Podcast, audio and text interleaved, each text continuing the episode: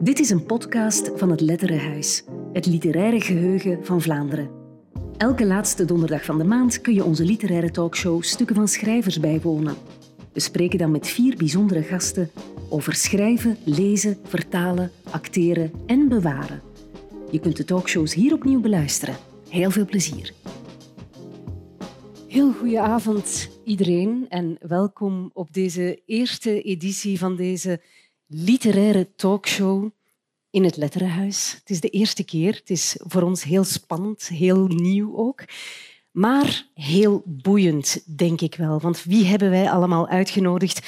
Wel, we hebben Herman Brusselmans uitgenodigd. Hij kiest een fragment uit de Letterenhuiscollectie uit het werk van Jan-Emiel Dalen. Bij mij ging er niet meteen een belletje rinkelen bij die naam. Dat is geen probleem als dat bij u ook zo is. Wij gaan snel te weten komen wie dat is. Els Snik praat over Jozef Rood.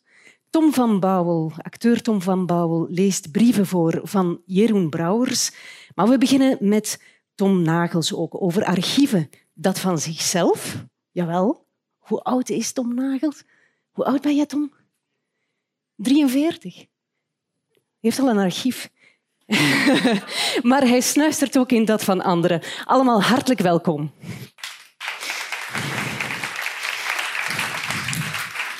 Mag ik de twee Tommen uitnodigen, alsjeblieft, hier aan tafel? Goedenavond. Hallo. Tom Nagels, mag ik bij jou beginnen? Ja. Ik zou heel graag een bericht van jou voorlezen dat ik op uh, Facebook heb gelezen. Een mm -hmm. Facebook-post van uh, eind vorig jaar. Let goed op. Ik heb net het arrogantste gedaan dat ik in mijn leven heb gedaan, denk ik. Ik heb mijn archief tot dusver geschonken aan het Letterenhuis. Niet omdat ik denk dat ik Hugo Claus ben en dat er ooit een biografie over mij geschreven zal worden. Wel omdat ik, dankjewel, nu ik zelf voortdurend in de archieven zit, besef hoe belangrijk die zijn om een goed zicht te krijgen op een historische periode ook de kleinere archieven van de mindere goden. Wat een bekentenis eind vorig jaar. Een bekentenis? Dat is ja? iets dat ik gedaan heb. Dat is ook iets publiek, dat archief ligt hier nu. Dus ja. ja. Wat zit daar allemaal in, in jouw uh, auteursarchief? Goh, um, naast uiteraard, allee, er zijn archieven van de boeken die ik geschreven heb, um, met de manuscripten en de, de, de kladversies en de brieven die met uitgeverij enzovoort. En, en alle brol die, die bij het schrijven van een boek komt kijken. Um, en verder is dat correspondentie. Ik heb de heel vreemde gewoonte al altijd gehad eigenlijk om brieven en e-mails die ik schrijf en die ik zelf inhoudelijk interessant vind of op een of andere manier waar ik denk van, denk van oké, dit is belangrijker dan gewoon een kattenbelletje van wat eten we vanavond en zo. Daar hou ik natuurlijk niet bij. Maar uh, van het moment dat er is, zich een discussie ontspint tussen mij en een journalist of een andere schrijver of wat dan ook, of over iets dat ook maar enig belang zou kunnen hebben, dan print ik dat uit. 43 jaar, zei je. Hoe groot is dat archief? Goh, um, hoeveel dozen waren dat? dat, zijn, dat is niet gigantisch, hè, gelukkig ook. Want ik, ik, ik, zit zelf vaak in archieven. Er is niks zo ontmoedigend als een archief opvragen en vaststellen dat dat 20 strekkende meter is. Natuurlijk, daar is dus geen beginnen aan. Maar dat, dat gaat wel om, om enkele dozen vol met, uh, met e-mails en zo. Ja. Heb je al die brieven doorgegaan? Ben je daar doorgegaan eerst? Heb je gecensureerd? Nee, omdat dat ten eerste te veel tijd zou gekost hebben. En ten tweede, ik vind ook dat je eerlijk moet zijn tegenover, uh, tegenover de toekomst. Je geeft dat archief met de bedoeling dat toekomstige onderzoekers een zicht kunnen krijgen op... Ja, oh, oh, allee, het hangt ervan af wat ze onderzoeken natuurlijk, maar wat ik mij dan voorstel, of dingen die ik zelf probeer te onderzoeken, van ja, je probeert te, te, te, te, ontdekken hoe mensen in een bepaalde periode nadachten of praten over een bepaald onderwerp. Ik ben nu een boek aan het schrijven over de geschiedenis van migratie in België.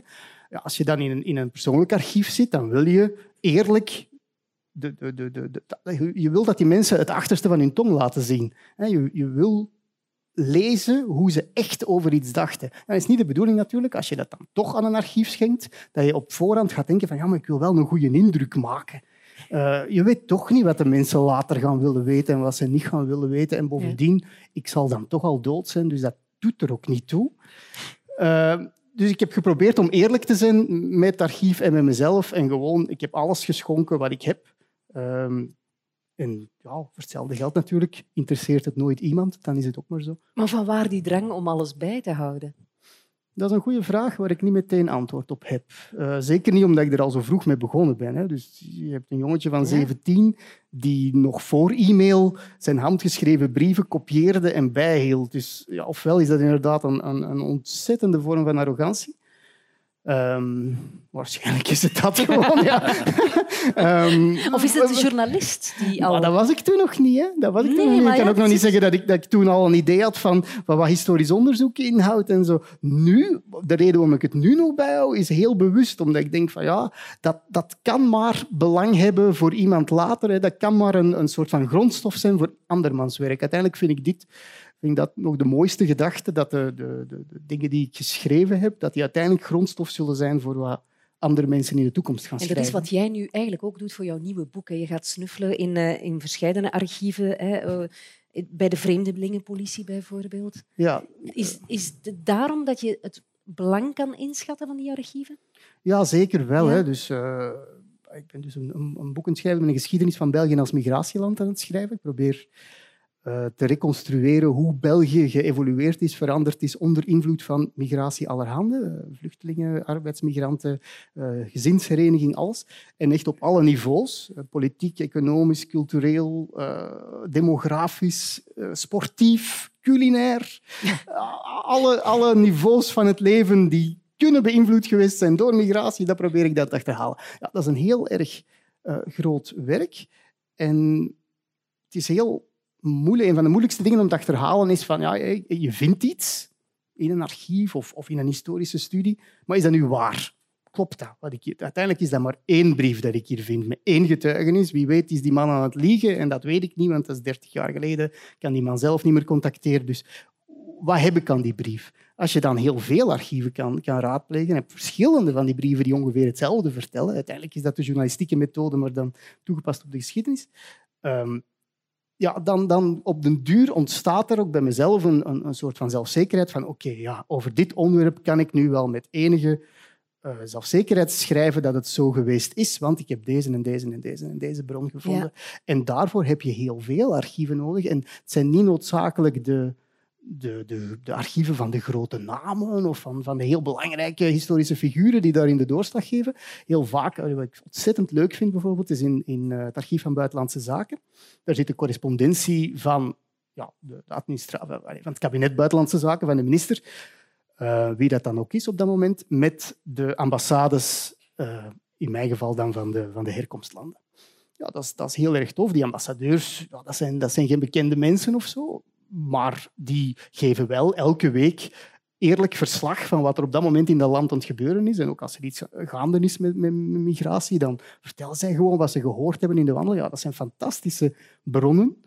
Um, eigenlijk interessantere bronnen dan het archief van de minister zelf, die meestal alleen maar uh, officiële papieren uh, bijgehouden heeft. Ja. En zo. Want ministers, allee, politici, zijn vaak heel erg bang voor hun... Het is mijn indruk, zijn heel bang om iets na te laten dat hen later, zelfs al is na hun dood, politieke problemen zou kunnen opleveren. Dus van politici vind je eigenlijk niet zo heel veel interessante archieven terug in mijn bescheiden ervaring. Ja. Tom van Bouw, doe je dat ook? Zo alles angstvallig willen bijhouden? Brieven, kattenbelletjes? Uh, dat soort dingen wel, ja. Dat steeds ja? uh, in, in, in mappen. Maar uh, ik... En hoe rangschik je dat dan?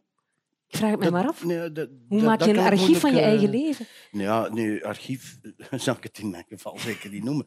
Maar het is, ik heb het er wel moeilijk mee om daar inderdaad om dat weg te gooien. Soms heb je wel eens een opruim woede. En één keer heb ik ben ik wel de, de stommiteit begaan om in het tijdperk van cd's en dergelijke, dat ik dacht, die vinylplaten heb ik niet meer nodig. Uh, op een, op een uh, echt een vlaag van verstandsverbijstering heb ik dan al mijn uh, LP's naar Zonde. de kringwinkel gebracht. En dan, maar onder andere dus op bijvoorbeeld Sticky Fingers van de Rolling Stones met die hoes van Andy Warhol, met die rits enzovoort. Gewoon weggedaan. Dat is echt het stomste dat ik ooit gedaan heb. Dus sindsdien maar die, Heb- kringwinkel- heb ik- heb die ik, eh, kringwinkels worden, worden heb ik de hele tijd opbergdozen van Ikea door verzamelaars. Jullie wonen waarschijnlijk ook allebei heel groot dan zo, hè? Om dat allemaal op te bergen, zo, wat jullie bijhouden. Daar ga ik niet op aan. Nee, nee, nee. nee. Maar bij Nee. mij was er wel een reden om het weg te doen. Ah, ik dacht van ja, dan neem je hier allemaal maar ruimte in. En er is, ze hadden van het letterhuis al een paar keer tegen mij gezegd van ja, maar we houden ook archieven bij van nog levende schrijvers. Je moet niet al dood zijn of je moet niet al tachtig zijn om het ineens allemaal in één keer. Nee, je mag dat ook nu al als je ervan af wilt. Ja, Een uitstekend argument als je ervan af wilt. En ik dacht van ja, is goed, houden jullie maar bij. ja. Maar we kunnen er niet omheen. Er is eh, nu een periode aan de gang van digitalisering. Er worden bijna geen brieven meer geschreven. Hoogstens een kattenbelletje waarschijnlijk van haal jij brood naar jouw partner of zo. En dan, dat, daar houdt het mee op. Dat is wel een, een mooie eerste zin, vind ik. Maar ehm, ik, ik beschouw brieven... Allee, ja, eh, ik denk dat Schrijf je nog wel- brieven? Eh, ja, Ja? ja. Ja. Maar ja, niet dat dat voor publicatie van mij is of zo. Hè. Maar ik beschouw... De, het brievenschrijven is natuurlijk wel een literair genre dat toch nog wel steeds beoefend wordt, lijkt mij. Maar minder en minder heb ik zo de indruk. Want ja, jij het- zei zelf ook, Tom, jij bent heel vaak bezig op Facebook. Hè? Dat is Mhm. ook een soort van archief. Hè? Ja, En Nu- toch, het is vluchtig. je kunt Facebook archiveren. Hè. Er bestaat zelfs gewoon een knop voor, hebben ze mij opnieuw aan het letterhuis verteld. Ah, oké. Ja, dus ik, dat doe ik niet, Facebook-discussies archiveren, gewoon omdat dat technisch te lastig is.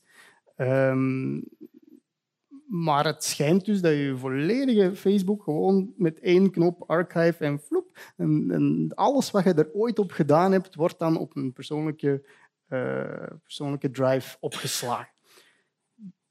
Dus ik denk dat ik dat ook wel eens ga doen.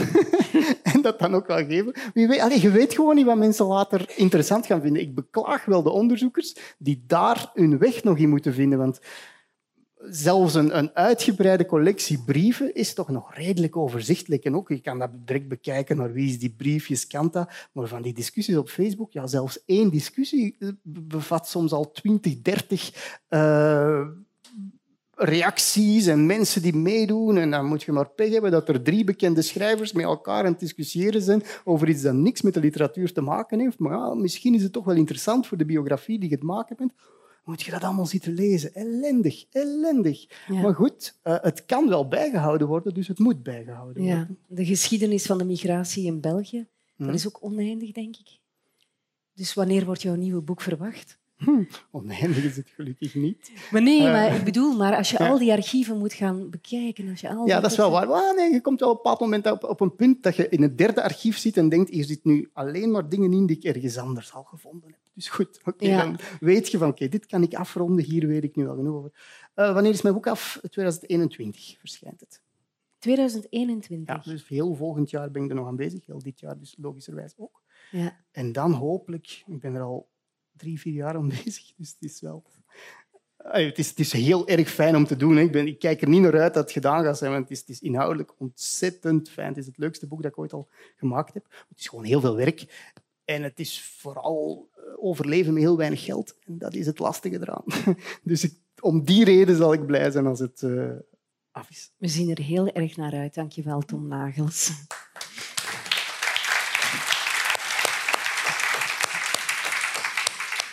Andere Tom, Tom van Bouwel. Wij kennen jou als acteur, als regisseur, maar wij gaan jou ook leren kennen als snuffelaar in literair werk van auteurs. Met een bijzondere interesse ook voor één schrijver, Jeroen Brouwers.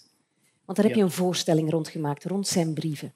Een tijd geleden al, Ja. ehm, ongeveer tien jaar geleden, denk ik, dat ik, dat ik het idee opvatte toen ik die brievenboeken onder de titel Chroniek van een karakter nog eens uit mijn eh, boekenkast haalde. En, ehm, Je was fan van Jeroen ik, had, ik had toen echt eh, eh, het gevoel van dit, dit, hier moet ik iets mee doen. Eh, ik voelde een, een, een serieuze, ernstige verwantschap met wat ik las. En eh, ik beschouwde het natuurlijk ook als een soort uh, gevoelens fressen, om het zo te noemen. Om met die brievenboeken die, die iets monologisch hebben, eh, om daar iets mee te doen. Maar het is natuurlijk wel de twee eh uitgaves. Het is in twee delen verschenen. Het is ongeveer 900 bladzijden materiaal. Dus daar heb ik op een gegeven moment eh, eh, verschillende lijnen ingetrokken, waar we het misschien zo dadelijk nog over zullen hebben. En ik, ik had op een gegeven moment materiaal voor vier uur theater, maar dat vond ik twee uur te veel. En in da- op dat moment heb ik Johan van den Broeke eh, erbij gehaald, die voor mij de gedoodverfde dramaturg was, omdat hij het werk van Brouwers als persoonlijke vriend ook en toekomstige biograaf, eh meen ik eh, te durven zeggen, dat was voor mij de gedoodverfde dramaturg. Dus die heeft eh, in no time eh, de darlings die ik niet Geschrapt. killen, eh, Kill your darlings. Ja. Voilà. Ja. En dan is die, die voorstelling ontstaan. Ja. Eh, ik moest daar natuurlijk ook, ook toestemming voor hebben, want de auteur besefte, ik leef nog. Hè.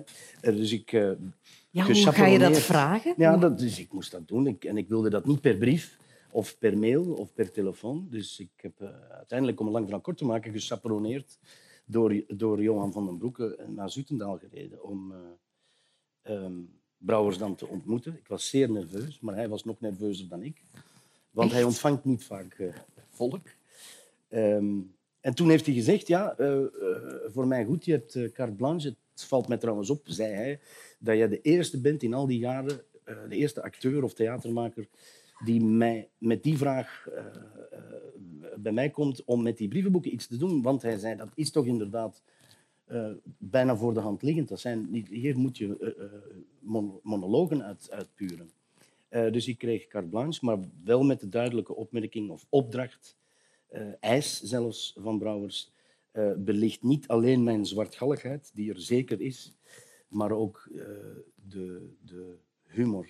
Ja, want hij wordt wel eens versleten als een bronpot, als iemand die Die er zeker is. Soms het leven heel zwaar vindt en Ja, heel lastig. Een en- zeurpiet zelfs. Ja, soms, ja. Maar eh, die, wat ik net zei, dat ik een zekere herkenning had. Ik, eh, eh, een zekere neiging tot somberte is mij ook niet vreemd. Maar ik vind, ook, ik, vind, ik, ik vind dat er veel redenen zijn om somber te zijn. Maar net als Brouwers probeer ik dat wel op, op een zeg maar, vitale manier te doen. Ik vind het zeer knap. want, eh, Brouwers, je zou kunnen zeggen, die brieven die hij naar al die correspondenten schrijft, schrijft eh, waarin hij kont doet van zijn leven en alles wat er in zijn leven gebeurt. eh, eh, dat is natuurlijk pure anekdotiek. En in zekere zin is dat zo.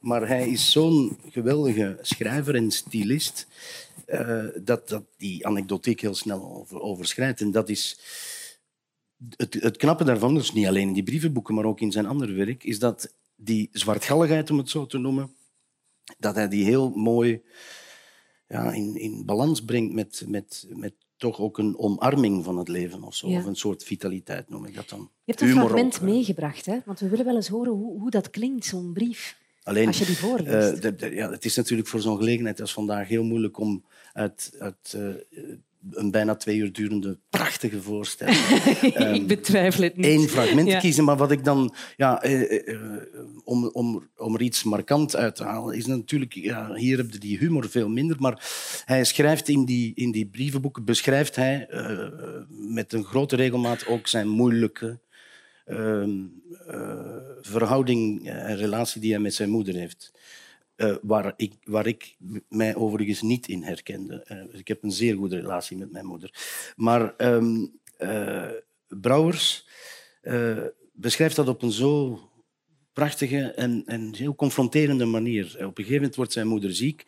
Hij krijgt telefoons van zijn broers, zussen enzovoort van nu te komen, maar hij weigert naar haar sterfbed te gaan.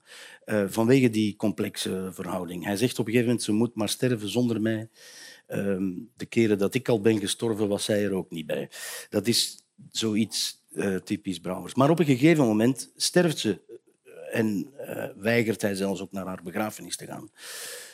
Ehm, als je dat leest, denk je, ja, waarom, waarom nu toch? Ehm, eh, maar wat hij dan wel doet, is ergens in de buurt van zijn huis in een donker bos te gaan staan en op zijn manier zijn moeder gedenken. En dat is waarover hij schrijft. En dat is eh, ja, bijvoorbeeld dat, dat fragment. En wat dan, ja, dat verwijst een klein beetje naar het gesprek van daarnet van research. Is een vorm, als ik eh, dat fragment las en vervolgens eh, bezonken rood teruglas, dan kom je tot de constatatie dat, hij, hij- dat die gedenking van zijn moeder, dat moment in het bos, eerst in die brievenboeken geschreven heeft en later op het idee is gekomen, heeft die, die bepaalde correspondent ook gevraagd, mag ik die brief terug? Want ik heb er geen klad van. En ik wil daar iets mee doen in een boek. En dus dat fragment komt op een gegeven moment bijna woordelijk terug in Bezonken Rood. En dat is dan wel weer ook een, een toffe manier om met literatuur bezig te zijn. Je zegt, ja, zo ontstaat iets. Hè. Uh, en zo leer je dus, eigenlijk Daar moet je dus altijd kopies van je eigen brieven nemen. Voilà, voilà, voilà. Ja. Ja. Wil je eens een stukje laten horen, alsjeblieft? Ja, ik ga, uh, ik ga er wel even bij staan. Want ja, doe maar. Het, uh, ik heb nu het papier bij, maar ik ga het proberen met mijn hoofd te doen. Toen mijn moeder vanmiddag te drie uur in Rijswijk werd gecremeerd, stond ik in een van de hoge, donkere bossen in de buurt van mijn huis. Daar heel diep in, ver van alle weggetjes. Ik stond daar aan een water. Dat water was zwart.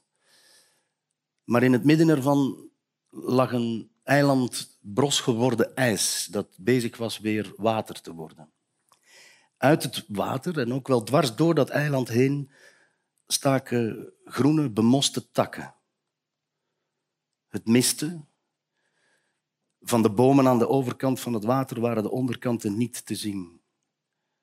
Er viel ook vochtigheid die mij aanraakte op mijn kale kop en mijn gezicht. Overal was rottend lover en daar stond ik met mijn schoenen bovenop. Niets bewoog voor wie niet goed keek en niets was te horen voor wie niet goed luisterde. Maar door dat zogenaamd roerloze water kwamen kleine rimpelingen die zomaar ontstonden. Die kwamen natuurlijk van die neervallende vochtigheid. Niets bestaat immers dat niet iets anders aanraakt. Zo denk ik wel eens. En wat te horen was, was een dieptonig, van heel ver komend, niet geluid. Hoe zal ik het zeggen? Want ik stond daar natuurlijk om van alles te zeggen. Weliswaar, mijn hersens vol woorden, maar niet in staat, ik, tot enige formulering. Ik stond daar om helemaal alleen de vernietiging van het lichaam van mijn moeder te gedenken.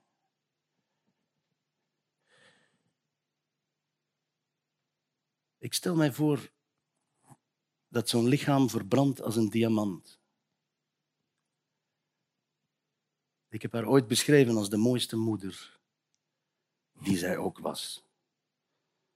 Zij moet nog één keer allerprachtigst zijn geweest toen zij in de vlammen verdween. Ik had mijn klok voor mijn gezicht en te drie uur precies zoog ik mijn longen vol mist.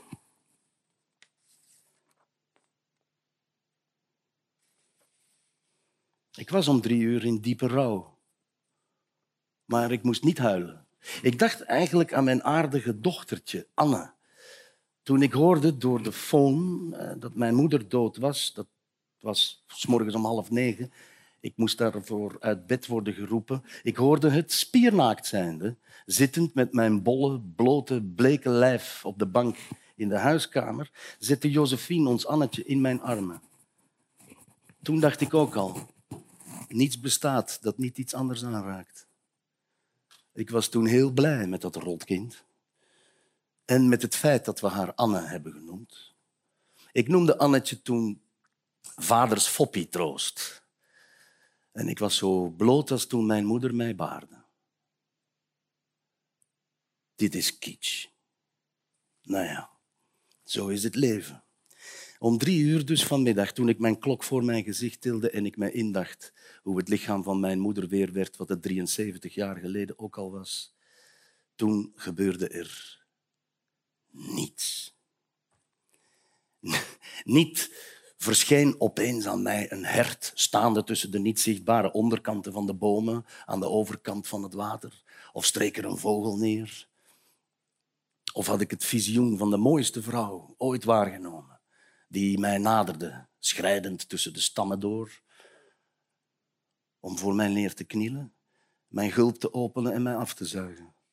Want dat verlangde ik nog het meest van al, dat dat zou gebeuren indien ik al iets verlangde dat zou gebeuren. Nog niet één dennennaald viel in het water. En dat ik omtrent Annetje dacht, wees jij er maar niet bij als straks jouw vadertje als een diamant in de vlammen. En qua verbranden, ik heb deze dagen al mijn brieven aan mijn geliefde vriendin Anne en ook al mijn brieven aan haar en haar brieven aan mij verbrand. Dat uh, deed mij zeer en tegelijkertijd bevrijdde het mij. Ik word oud. Meer en meer sluipt als mist modestia in mij binnen. Nee, nee, ik bedoel niet een bescheidenheid die ik voel mij niet te passen. Nee, nee, ik bedoel een gewoon menselijke deemoed. Alles moet maar weg. Ik ook. En ook al mijn herinneringen. En ook zoveel mogelijk herinneringen aan mij.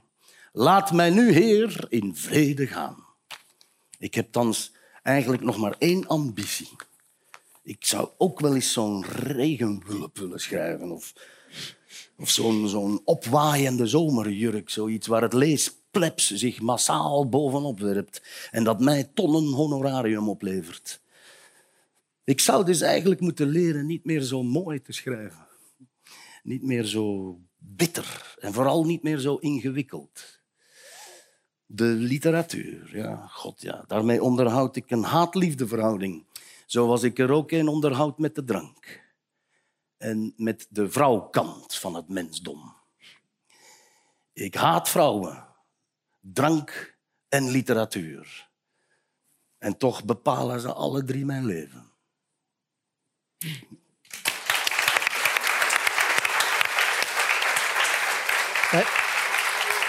Dat is een brief dat is een brief wat je net hebt voorgelezen. Je heeft dat effectief aan iemand gestuurd. Dit, ja, ja, ja. Ja, het is prachtig geschreven, maar ik probeer mij voor te stellen dat ik die envelop open doe en dat ik dat... en ik denk van, gast, in godsnaam, je zegt geen verhalen. Ja, ze zijn mij gewoon een brief sturen. En dat zullen veel correspondenten ook gedacht hebben. Wat doet er nu weer? Toch. Ik, ik merk dat aan mezelf. Als je schrijft aan een vriend of zo, dat, je, dat ik mij moet inhouden om inderdaad niet te denken, oh, ik ben hier aan het schrijven. Hmm. Ik denk van, die man moet dat effectief lezen. En die moet niet denken van, maar het is een heel bijzondere taal wel, hè, dat die Jeroen Brouwer schrijft. Het is een, een literaire taal, echt. Hè, want zo schrijf ik toch geen brieven. Um, jij valt daar wel voor, hè, voor die mooie woorden, voor die mooie formuleringen. Ja, maar natuurlijk, elke schrijver heeft weer iets, uh, een andere... Uh, kwaliteit of eigenaardigheid. Ik bedoel, Brouwers kun je moeilijk vergelijken met uh, Van Ostaaien bijvoorbeeld. Uh, ik noem nu Van Ostaaien, waar ik ook... Uh, maar dat is, ja, om het heel eenvoudig, simpelweg te zeggen, dat is de liefde voor de taal die je hebt. Maar de, die, die taal van Brouwers is inderdaad ja, een beetje bombastisch soms en dit dat, maar ook heel erg scherp, heel erg to the point ook. En ik vind het ook tamelijk zintuigelijk. Daarom bijvoorbeeld zo'n fragment als aan dat bos. Nu zitten we hier in het letterhuis in, met, een, een, ja, een, zekere belichting en een klein podium of zo. Als je dat op een voorstelling doet en je probeert...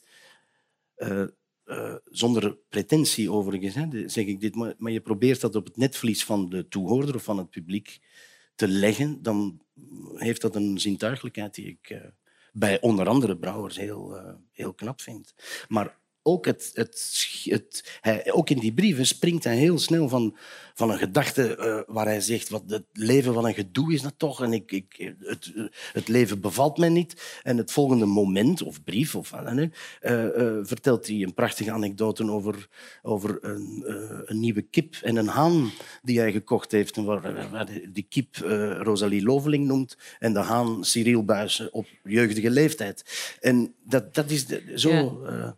Dan, en op die manier kom je letterlijk tot een chroniek uh, van een karakter. Ja. Maar ik nu afvraag, heeft hij ooit die voorstelling gezien, Jeroen Brouwers? Hij was op de première in Mechelen. Uh, ja. En wat vond hij ervan? Uh, dit zuig ik niet uit mijn duim. Het staat ook in recensies. hij is kort na de voorstelling door de morgen, denk ik, geïnterviewd.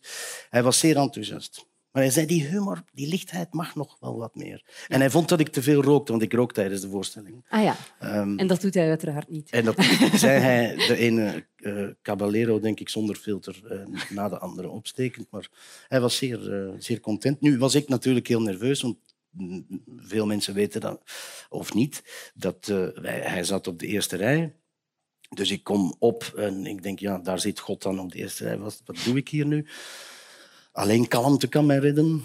Eh, en eh, mensen weten dat misschien niet, maar hij ademt heel zwaar. Je hoorde Dus hem. ik zat tijdens die voorstelling de hele tijd dit te horen. hè, Ja. Ja. Maar het was Zorg geen uiting van... eh, ja, ja. Tom van Bouwel, dank je wel. Ah ja, maar trouwens, Ah. wat ook zo leuk eh, is, voor die voorstelling, een paar uur voor die voorstelling, kwam hij samen met Johan van den Broeke in de, in de Schouwburg daar en eh, kwam vragen of ik goeiedag wilde komen zeggen. Maar het hoefde niet, want eh, als hij zich aan het voorbereiden is en nerveus is, natuurlijk kwam ik goeiedag zeggen. En hij zei van, ja Tom, ik hoor eh, van eh, heel de tijd in die, in die kutauto van eh, Johan, eh, helemaal van Maasmechelen tot Mechelen, eh, dat jij zo nerveus bent voor vanavond. Ik zeg, ja, dat is toch ergens logisch. Tuurlijk ben ik nerveus. Maar dat is helemaal niet nodig, jongen. Want wat jij straks allemaal gaat vertellen, dat weet ik allemaal al lang. dus dat is ook Ja, eh, die humor komt er ja. weer boven. Goed. Dank je wel, Tom van Bouwel. graag gedaan.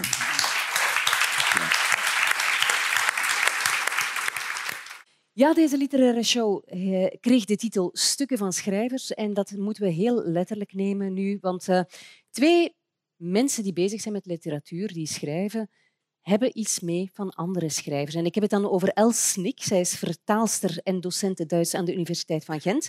En ook Herman Brusselmans.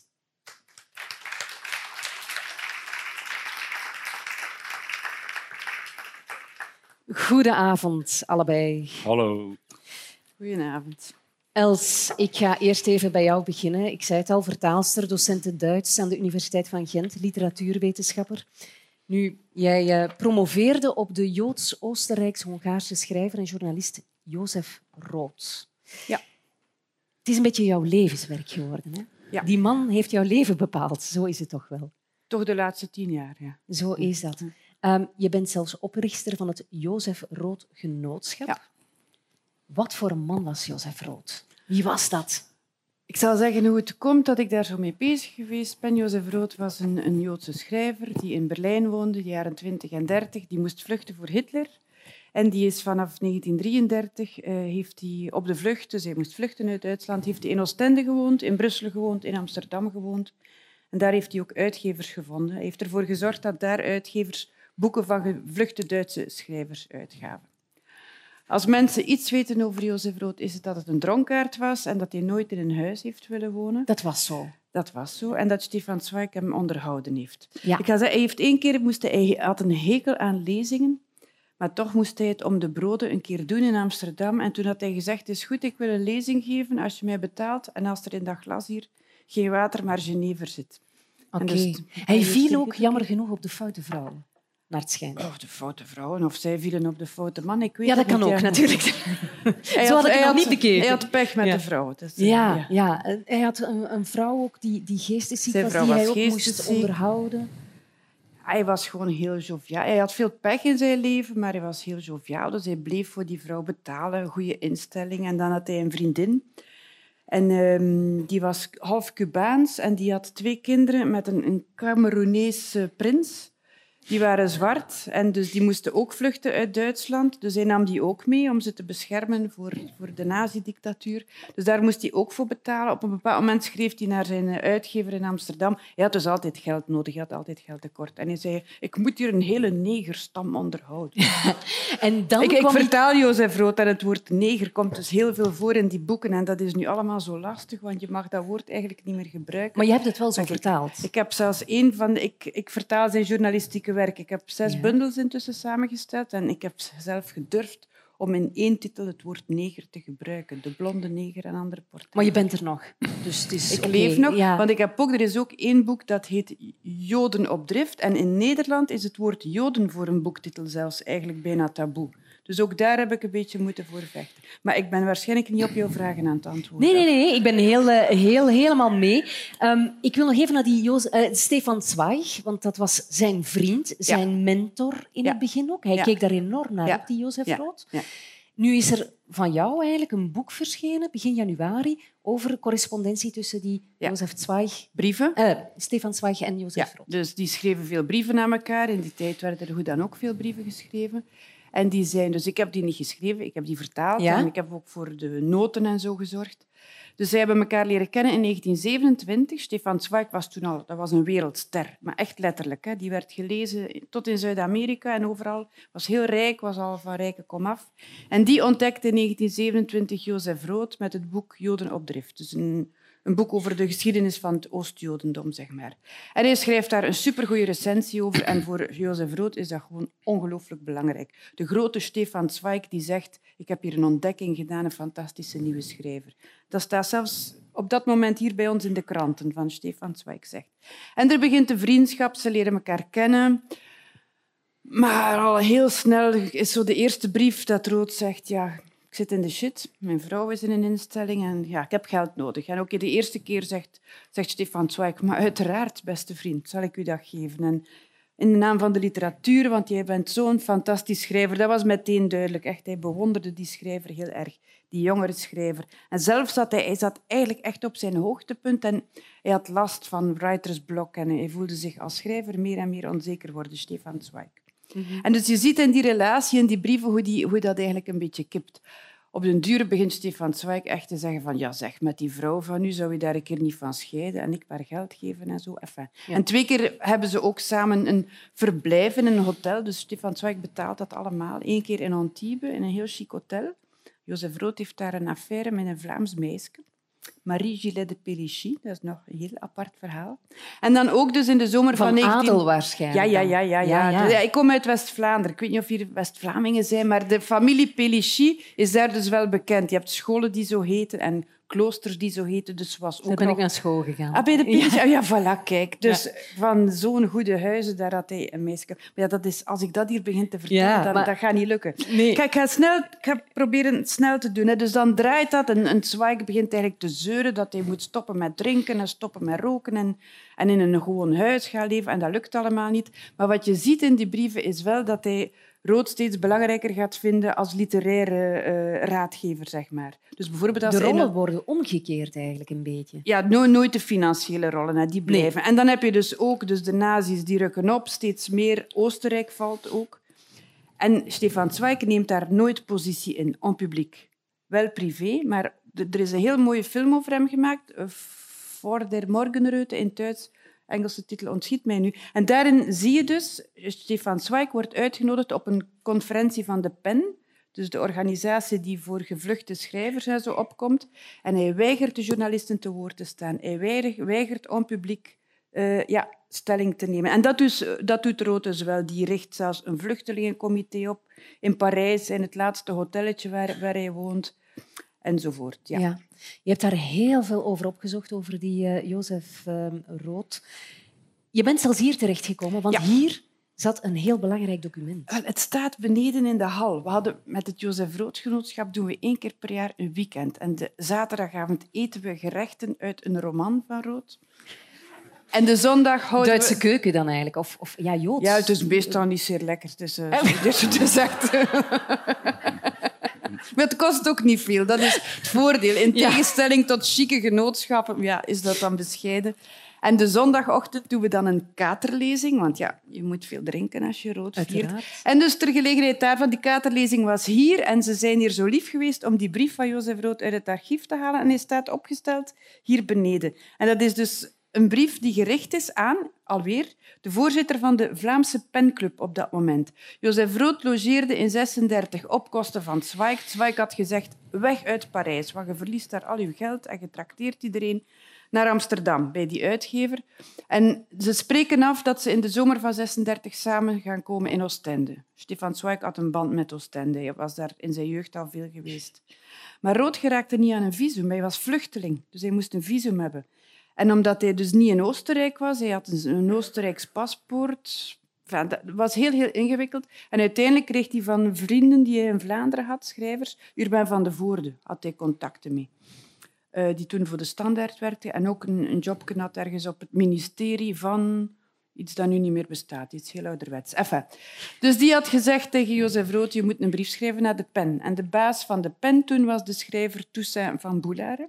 En die werkte ook op het ministerie van Justitie, dus een lange, lange, lange arm. En dat is gelukt. En het maffe is dat die een brief dus geschreven is in het Nederlands. Die man Zo met, niet de, de brief, de brief van Jozef Rood. Ja. Ik kon, gewoon, ik kon geen Nederlands. Dus waarschijnlijk heeft er dan een kameraad voor hem geschreven. voorgeschreven. En Maar dus hier, de brief die hier beneden ligt, die hier in het archief zit. En dat is het archief van de Vlaamse Penclub, eh, dat hier in het Letterhuis bewaard is. En waar ik dus... Ja, dat was een ongelooflijke ontdekking. Ik was daar super gelukkig mee en, En nog? trots op. En- ja, ja, ja, ja, ja, nog altijd. En er is, er is... Hij is hier lang geweest. Er is ook in, diezelfde, in datzelfde jaar, 1936, is er in Antwerpen in een Joods tijdschrift, dat heet La Centrale, een tekst verschenen van Jozef Rood. Heel dat tijdschrift, dat was in oktober 36, waren er verschrikkelijk veel vluchtelingen uit Nazi-Duitsland, hier in Antwerpen. Ze probeerden van hier naar Amerika te komen. Dat was een heel nummer gewijd aan de immigratie, van hoe doe je dat? Dat is iets voor Dus Tom we- Nagels eigenlijk. hè. Ja. Ja, ja natuurlijk. Ja, dat-. Hij mag de brief dan ook een keer lezen. Hè. Dat hij staat hier beneden.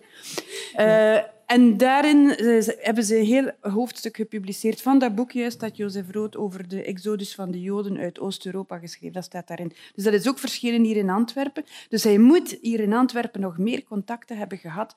En hij schreef verschrikkelijk veel brieven. Dus er moeten nog ergens op zolders hier brieven liggen. Dit is dus een warme oproep voor iedereen die oude archieven nog niet aan het letterenhuis heeft geschonken. Misschien zit daar wel iets tussen van Jozef Rood. Lijkt mij een onwaarschijnlijk boeiend figuur. Ik kende hem eerlijk gezegd niet, Herman. Jij wel, Ik kende, ik kende de naam wel, maar ik heb eh Jozef Rood beter leren kennen door Jos Gijsels, die eh, ook eh, vooraanstaand lid is van het Jozef Rood Genootschap. En ik ben daar twee weken geleden... Heb ik dat mogen Toch niet naar dat slecht, die slechte diner? Jawel, gaan? jawel, Ah, toch? jawel. Ja? ja? Eh, het voorgerecht was bouillon, bouillonsoep. Het hoofdgerecht was kip, maar dat bleek dan een soort van doodgeschoten Sorry, zijn. in, in die Eh, bouillon zat er al kip en zaten er erwten. Ja, En en, in dat en het nagerecht kon de kok niet maken, dus dat waren roomsoesjes van een bakker eh, van achternoe. Maar het was heel gezellig. Het was heel gezellig. Ja. Dus ik ben rood aan gaan lezen. Ik heb Radetzky Mars, is wel zijn bekendste roman. Radetzky, maar ze zijn En ook zijn, roman. zijn, zijn, zijn, zijn beste, vind ik. Ik heb tot nu toe een aantal boeken eh, van hem gelezen. Ik heb ook wel een link, want ik heb ook eh, Neger in een titel van een van mijn boeken. Guggenheimer koopt een neger. Ja, een zeer eh, antiracistisch boek is dat. En, eh, maar goed, eh, ik ben Rood nu ook aan het leren kennen. Er zijn ook schrijvers die over eh, zijn vriendschap... Weiderman heet hij, geloof ik. Een heel, een heel Mark leuk boek. Schavers ook trouwens. Hè? Ja, het verhaal van Oostende heeft Schavers ook Dus Rood is een figuur die heel veel losmaakt bij, bij literatuurliefhebbers, literatuurkenners. Ja. En ook een link weer met Els, want jij ja, bent eigenlijk ook gepromoveerd op een schrijver. Hè? Je bent echt gaan duiken in het leven en het werk van een schrijver. Een schrijver die ik voor vanavond niet kende. Ja, eh, is, is onbekend eigenlijk, is ook vergeten. De kwestie was, ik studeerde Germaanse filologie en ik moest in mijn eerste licentie op zoek naar een onderwerp voor een thesis. Ja. Mijn eh, eh, specialiteit was dan Nederlands literatuur, dus ik zocht het daarin. En toen kwam er in het nieuws, op de televisie, in het journaal, dat een zekere Jan-Emile Dalen zijn vrouw had doodgeschoten en vervolgens zelfmoord had gepleegd. Dus dat bleek dan eh, een, een schrijver uit Gent, 37 jaar, eh, op Valentijn, eh, dus die dubbele moord zeg maar, eh, gepleegd. En ik dacht, ik ken die niet, ik ga, ik ga dat eens onderzoeken. En dat leek mij een zeer interessant onderwerp voor een, voor een thesis. Vooral zijn werk was afgerond, kunnen we wel zeggen. En hij, was redelijk jong, dus ongelooflijk veel had hij nog niet geschreven. Dus ik dacht, ik ga van A tot Z, van biografie tot bibliografie, ga ik eh, die man bestuderen. Was het ook interessant? Was, was het een goede schrijver? Hoe Nee, komt het nee. Ah, het probleem, het probleem met, met Jan-Emile Dalen was, eh, het was een tragische figuur. Heeft van alles gedaan, heeft heel veel geschreven, heeft heel veel gedaan in de literatuur. Heeft een eigen tijdschrift gehad, Dalen heeft meegewerkt aan de tijdschriften van eh, Weverberg, Mep en Bok. Eh, hij heeft geschreven over eh, doping in de wielersport, hij heeft geschreven over toestanden in bejaardentehuizen. Hij heeft een aantal romans geschreven, hij heeft geschreven over drugs. Hij heeft ongelooflijk veel gedaan, maar niemand nam hem au serieus. Iedereen besefte wel, die gast loopt hier overal bij. Hij zocht contact met iedereen, onder andere ook met Jeroen Brouwers, die in De Laatste Deur, zijn zelfmoordboek, een heel mooi stuk over Jan Emile Daal heeft geschreven. Dus hij zegt, zocht contact met, met iedereen en niemand nam hem au serieus. Maar Uh, hij schreef niet de grote literaire werken. Hij schreef, Nee, hij schreef gewoon niet goed. Ja. En dat was, dat was de tragiek van die man. En de, de grootste tragiek was... Dus Jan-Emile Dalen was getrouwd geweest, had kinderen, was gescheiden. En toen ontmoette hij uh, Dien, Digna, Digne, een zeer, zeer mooie vrouw. En die viel, tot zijn verbazing, viel die voor hem. En hij dacht, via die vrouw kan ik nu de grote sier maken. Iedereen zal zeggen, Jan Wildaal is daar met zijn prachtige vrouw. We begonnen ook bontmantels te dragen en zonnebril enzovoort. De grote Jan Wildaal met de mooiste vrouw uit de Vlaamse literatuur. Maar het punt was dat iedereen Dalen negeerde en dat iedereen op zijn vrouw kroop.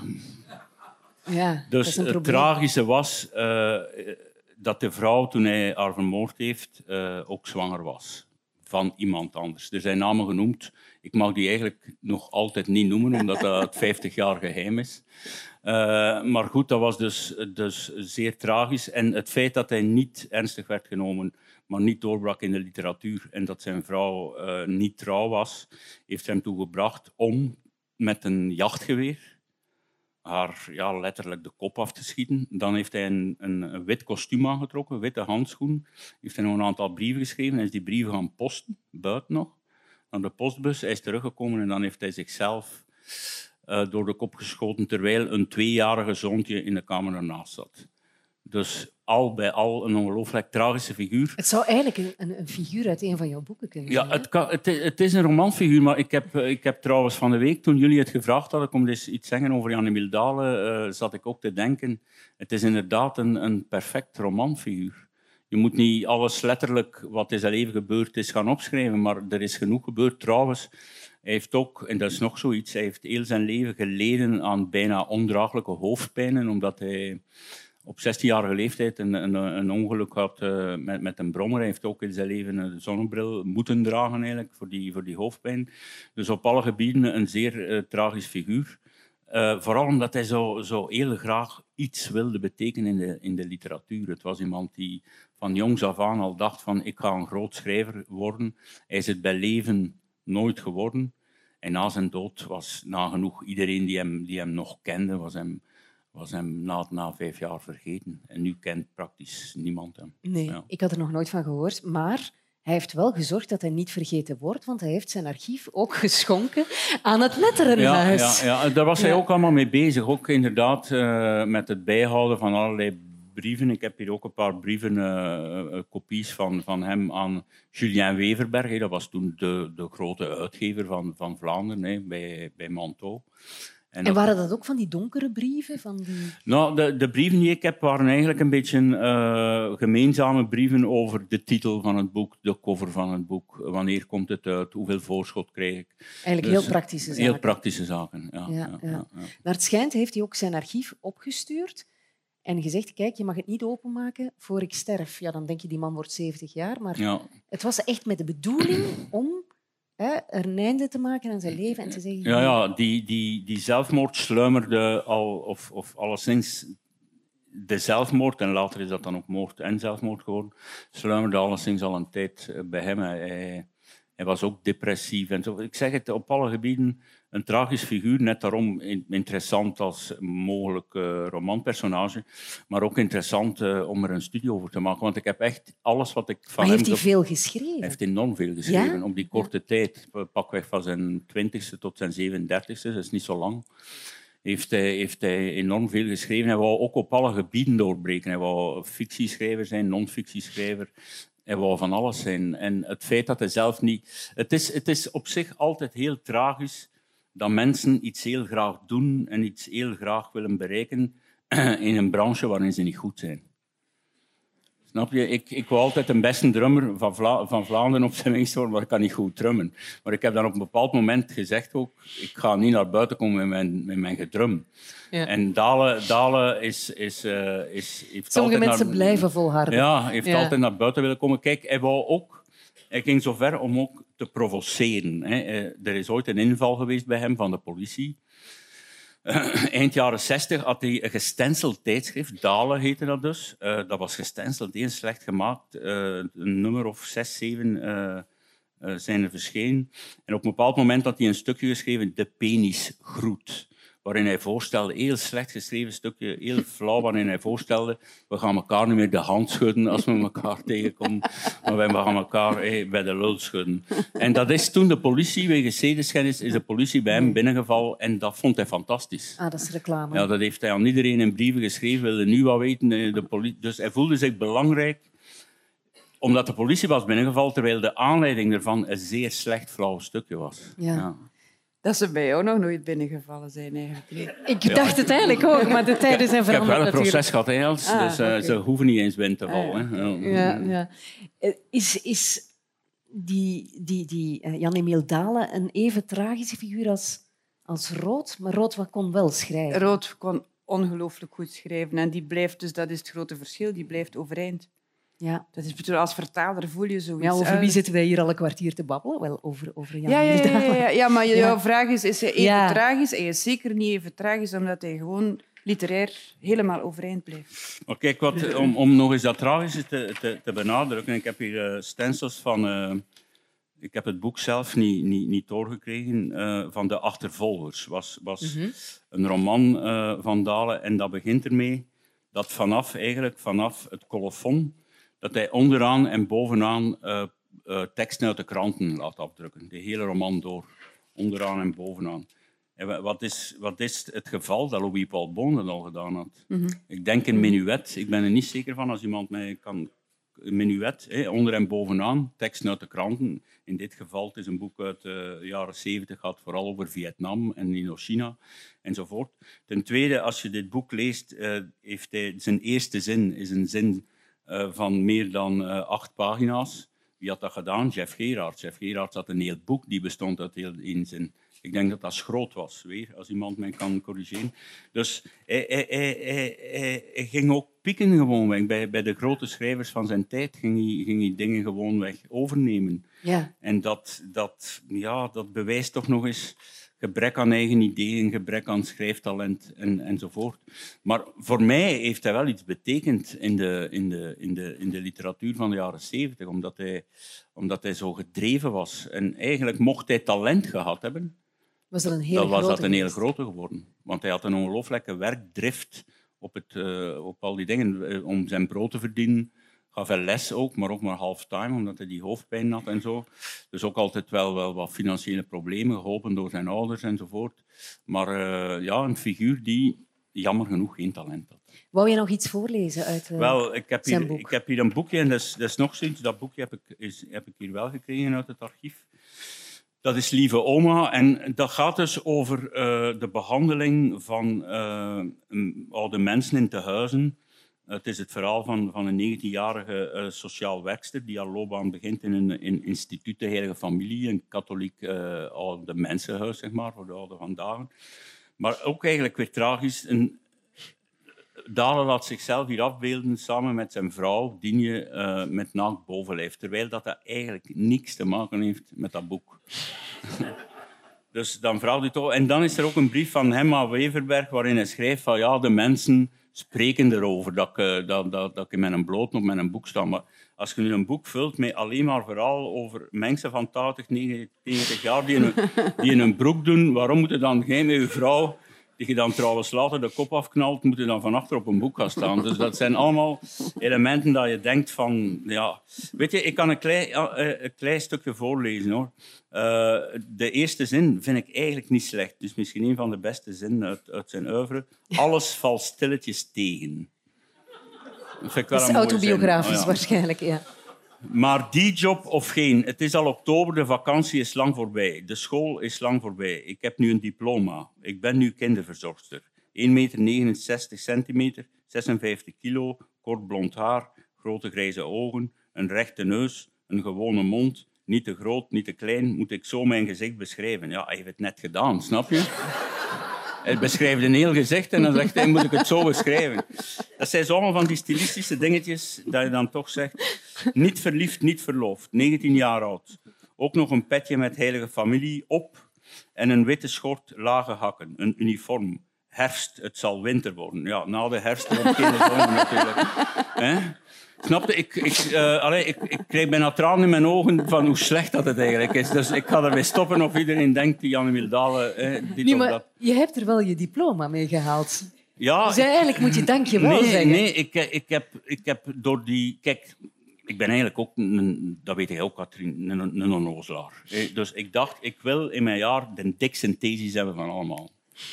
Dus ik dacht, ik keek zo naar die thesis, hoeveel dat ongeveer was. Dat varieerde van 80 bladzijden tot 290 en al een keer een uitzondering van 325. Dus ik dacht, ik ga mijn thesis 400 bladzijden doen. Dat is zeker een er was. Was er nu toch wel een lelijk kwijf dat 410 bladzijden had. Dus ik was, ik was eigenlijk heel uh, ontgoocheld. Maar wat ik wil zeggen is dat ik door die thesis te schrijven, wat natuurlijk non-fictie was, heb ik eigenlijk ondervonden, ik was toen vooraan in de twintig, hoe, bezig zijn met schrijven, hoe, hoe, prettig dat, dat was, hoe plezierig. Ik deed dat ongelooflijk graag. Dus dankzij Jan Daal heb ik, mede dankzij Jan Daal heb ik het schrijven ontdekt. En ook een punt was dat Daal was 37, hij zat in allerlei tijdschriften. Dus hij had allerlei collega's bij die tijdschriften die ook ongeveer die leeftijd hadden. Dus die waren voor mij bereikbaar. Die woonden ook allemaal in Gent. Dus ik ging dan bij die gasten, bijvoorbeeld Daniel van Rijssel van het tijdschrift Jan. En ik begon dan een interview over Jan Daal en hoe zat dat met Daal en Daal van hier van Ginter. En bij het buitengaan zei ik dan, apropos, ik schrijf zelf ook, zou dat niet iets zijn voor in die tijdschrift? En zo ben ik in al die tijdschriften gesukkeld. En de rest is geschiedenis, hè, Katrien? Zo is dat, ja, ja, ja, ja. Dus ja, jij bent eigenlijk schrijver toch wel een beetje dankzij Jan-Emiel Dalen. Wel, als de naam Dalen valt, dat, dat, uh, en hij valt heel weinig, want niemand kent hem. Nee.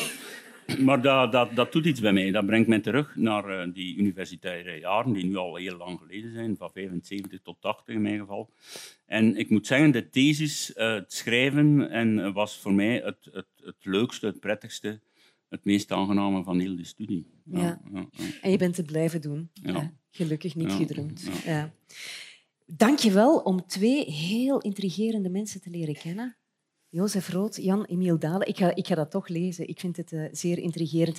Dank je wel, Herman Brusselmans. Dank je wel, Els Snik. Graag gedaan.